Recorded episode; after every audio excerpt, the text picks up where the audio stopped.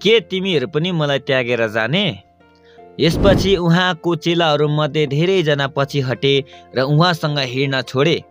यीशुले बाह्रैलाई भन्नुभयो के तिमीहरू पनि मलाई त्यागेर जाने? सिमन पत्रुसले जवाफ दिए हे प्रभु हामी कस कहाँ जाउँ? तपाईँसित अनन्त जीवनको वचन छ र हामीले विश्वास गरेका छौँ तपाईँ परमेश्वरको पवित्र जन हुनुहुन्छ। सुसमाचार यहुन्न छ अध्यायको छैसठीदेखि उन्सत्तरीसम्म। आखिर किन पछि हटे त यति धेरै चेलाहरू? हामी सफासँग देख्न सक्छौँ कि तिनीहरूले यसुलाई रोटी खानु पाएर पछ्याइरहेका थिए। तिनीहरूले यसुलाई आफ्नो व्यक्तिगत स्वार्थको लागि पछ्याइरहेका थिए। तिनीहरूले यसुलाई जस्तो सोचेका थिए उहाँ त्यस्तो हुनुहुन्न थियो। तिनीहरूले यसुको शिक्षालाई बुझ्न सकेनन्। परमेश्वरलाई हामीले सही तरिकाले चिन्नु अति नै आवश्यक छ। परमेश्वरसँगको स्थिरता उहाँ प्रतिको हाम्रो बुझाइमा निर्भर छ। जबसम्म हामी यसुलाई गहिरो रूपले चिन्दैनौँ तबसम्म हामी पछि हट्ने खतरामा रहिरहन्छौँ। आज अनगन्ती व्यक्तिहरूले ख्रिस्टलाई आफ्नो जीवनदेखि सजिलै पन्छाइरहेका छ। यो अति दुःख लाग्दो कुरा हो। पानीको मुहानलाई त्यागेर तिनीहरूले सुक्खा इनार खनिरहेका छन्। जीवन दिने परमेश्वर बिना तिनीहरू जिउने प्रयास गरिरहेका छन्। अनि यो सबै व्यर्थ छ। आखिर किन मानिसहरूले यसुलाई त्याग्दैछन् त। अनि कस्तो व्यक्तिले यसुलाई त्याग्दैन त? यही कुरा हामी छलफल गर्नेछौँ। जय मसी म मिलन चामलिङ इट्सेल स्पिकमा तपाईँहरूलाई स्वागत छ। आजको भिडियोको अन्तिमसम्म रहनुहोला। तपाईँ पक्कै पनि आशिषित हुनुहुनेछ। आखिर किन त्याग्छन् त मानिसहरूले यसुलाई किन मानिसहरू पछि हट्छन्? आउनुहोस् केही कारणहरू हेरौँ। पहिलो कारण ज्ञानको कमीले। जब कसैले राज्यको वचन सुन्छ र सो बुझ्दैन तब दुष्ट आउँछ र त्यसको हृदयमा जे छरिएको थियो सो खोसेर लैजान्छ। मतिराती सुसमाचार तेह्र अध्यायको उन्नाइस पद। जब हामी केही कुरा बुझ्दैनौँ हामीले परमेश्वरलाई बुझ्दैनौँ किनकि परमेश्वर वचन हुनुहुन्छ।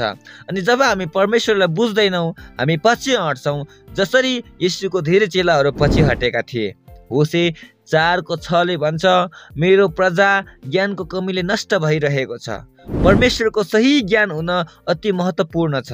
जब मानिसहरूले परमेश्वरको सही ज्ञान पाउँदैन तब मानिसहरूले आफ्नो काल्पनिक यसु बनाएर आफ्नो स्वार्थ अनुसारको यसुलाई पुजिरहेका हुन्छन्। अनि जब तिनीहरूले बाइबलको यसुलाई ठिक तिनीहरूको काल्पनिक यसुको विपरीत पाउँछन् तिनीहरू ठेस खान्छन्। परमेश्वरलाई हामीले सही तरिकाले बुझ्नु आवश्यक छ। हामीले परमेश्वरको सही ज्ञान राख्नुपर्छ अनि त्यो सही ज्ञान परमेश्वरको भयबाट आउँछ। दोस्रो कारण मत्ती र सुसमाचार चौबिस अध्यायको नौ र दसमा हामी हेर्छौँ जब तिनीहरूले तिमीहरूलाई सङ्कष्टको लागि सुम्पिदिनेछन् र तिमीहरूलाई मार्नेछन् र मेरो नाउँको खातिर सबै जातिहरूले तिमीहरूलाई घृणा गर्नेछन्। तब धेरैजना भड्किएर जानेछ र ठेस खानेछन् र एउटाले अर्कोलाई विश्वासघात गरेर सुम्पिदिनेछ र घृणा गर्नेछन्। धेरैजना भड्केर जानेछ जब तिनीहरूमा सतावट आउनेछ।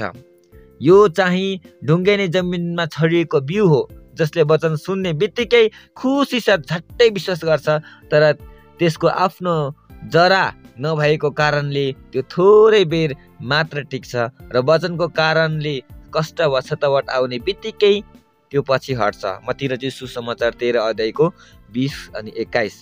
जबसम्म हाम्रो जरा वचनमा गाडिएको हुन्न अथवा प्रभुको वचनको गहिरो ज्ञान हामीले पाउँदैनौँ अनि जबसम्म उहाँसँग हाम्रो सम्बन्ध घनिष्ठ हुँदैन तबसम्म हामी सतवटमा स्थिर रहन सक्दैनौँ। यस्ताहरू सतावटमा टिक्न सक्दैनन्।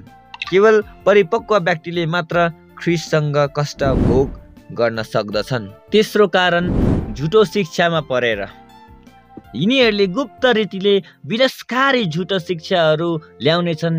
यहाँसम्म कि तिनीहरूलाई उद्धार गर्नुहुने स्वामीलाई पनि तिनीहरूले इन्कार गर्नेछन् र आफै माथि चाँडै विनाश ल्याउनेछन्। दोस्रो पत्रुस दुई अध्यायको एकको ख। नेपालमा यस्तो मामला धेरै देख्न पाइन्छ। अनगन्ती व्यक्तिहरू झुटो शिक्षाको शिकार बनिरहेका छन् र यसको शिकार बनि यसु प्रभुलाई त्यागिरहेका छन्। यस्तो झुटो शिक्षाको समूहले क्रिस्चियनहरूलाई नै धेरै निशाना बनाउँछन्। यस्तै यस्तैका पछि लागेर धेरैजना बरालिएका छन्। तसर्थ जसले यस्तो विनाशकारी शिक्षालाई ग्रहण गर्छ त्यस्तो मानिसहरू पछि हट्दछन्। चौथो कारण पैसा। किनभने रुपियाँ पैसाको मोह नै सबै खराबीको जड हो। पैसाको लोभमा परेर कोही कोही विश्वासबाट कुमार्गतिर लागेका छन् र धेरै पीडाले तिनीहरूको हृदय घोचेका छन्। पहिलो तिमती छ अध्यायको दसको ख।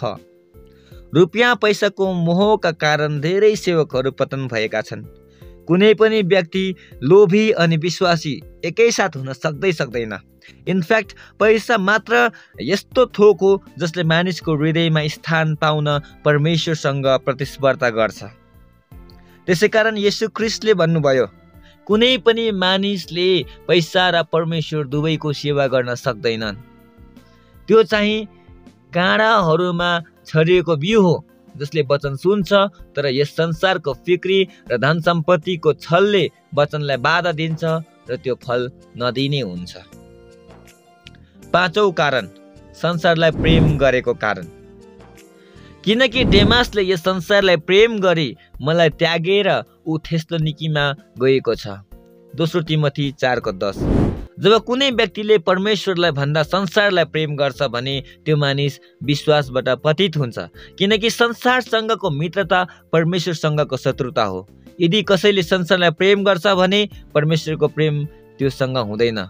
संसारलाई प्रेम गर्न गर्ने व्यक्ति विश्वासको जीवन जिउन सक्दैन अनि तिनीहरूले यीशुलाई रोज्न सक्दैन।